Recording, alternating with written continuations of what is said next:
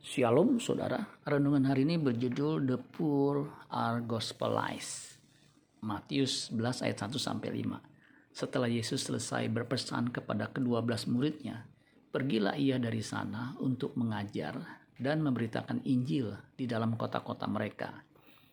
Di dalam penjara, Yohanes mendengar tentang pekerjaan Kristus, lalu menyuruh murid-muridnya bertanya kepadanya, Engkaukah yang akan datang itu atau Haruskah kami menantikan orang lain? Yesus menjawab mereka, "Pergilah dan katakanlah kepada Yohanes apa yang kamu dengar dan apa yang kamu lihat.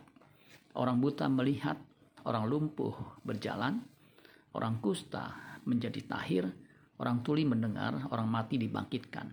Kepada orang miskin diberitakan kabar baik." Tuhan Yesus menjawab murid Yohanes Pembaptis dengan suatu kalimat yang terasa aneh.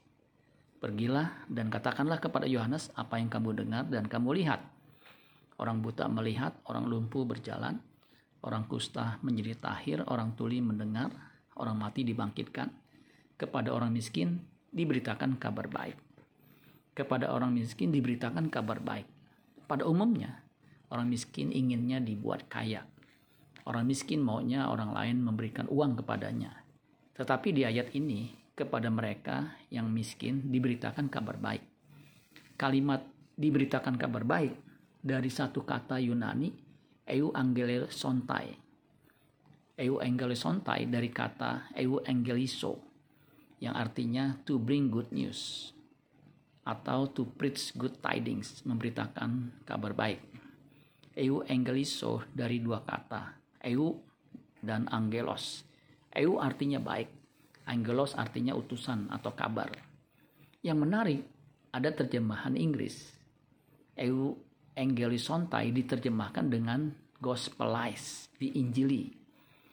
Menurut Kristus yang baik bagi orang miskin adalah diinjili.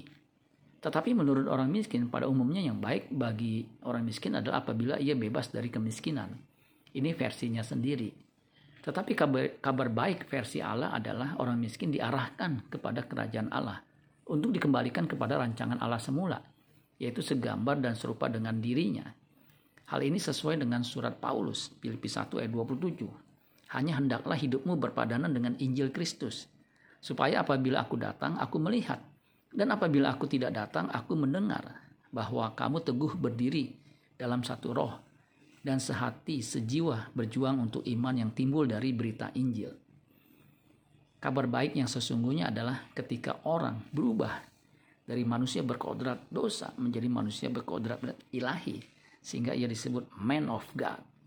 Hal ini hanya terjadi jika seseorang menerima Kristus sebagai Tuhan dan juru selamatnya. Amin buat firman Tuhan. Tuhan Yesus memberkati. Sola Gracia.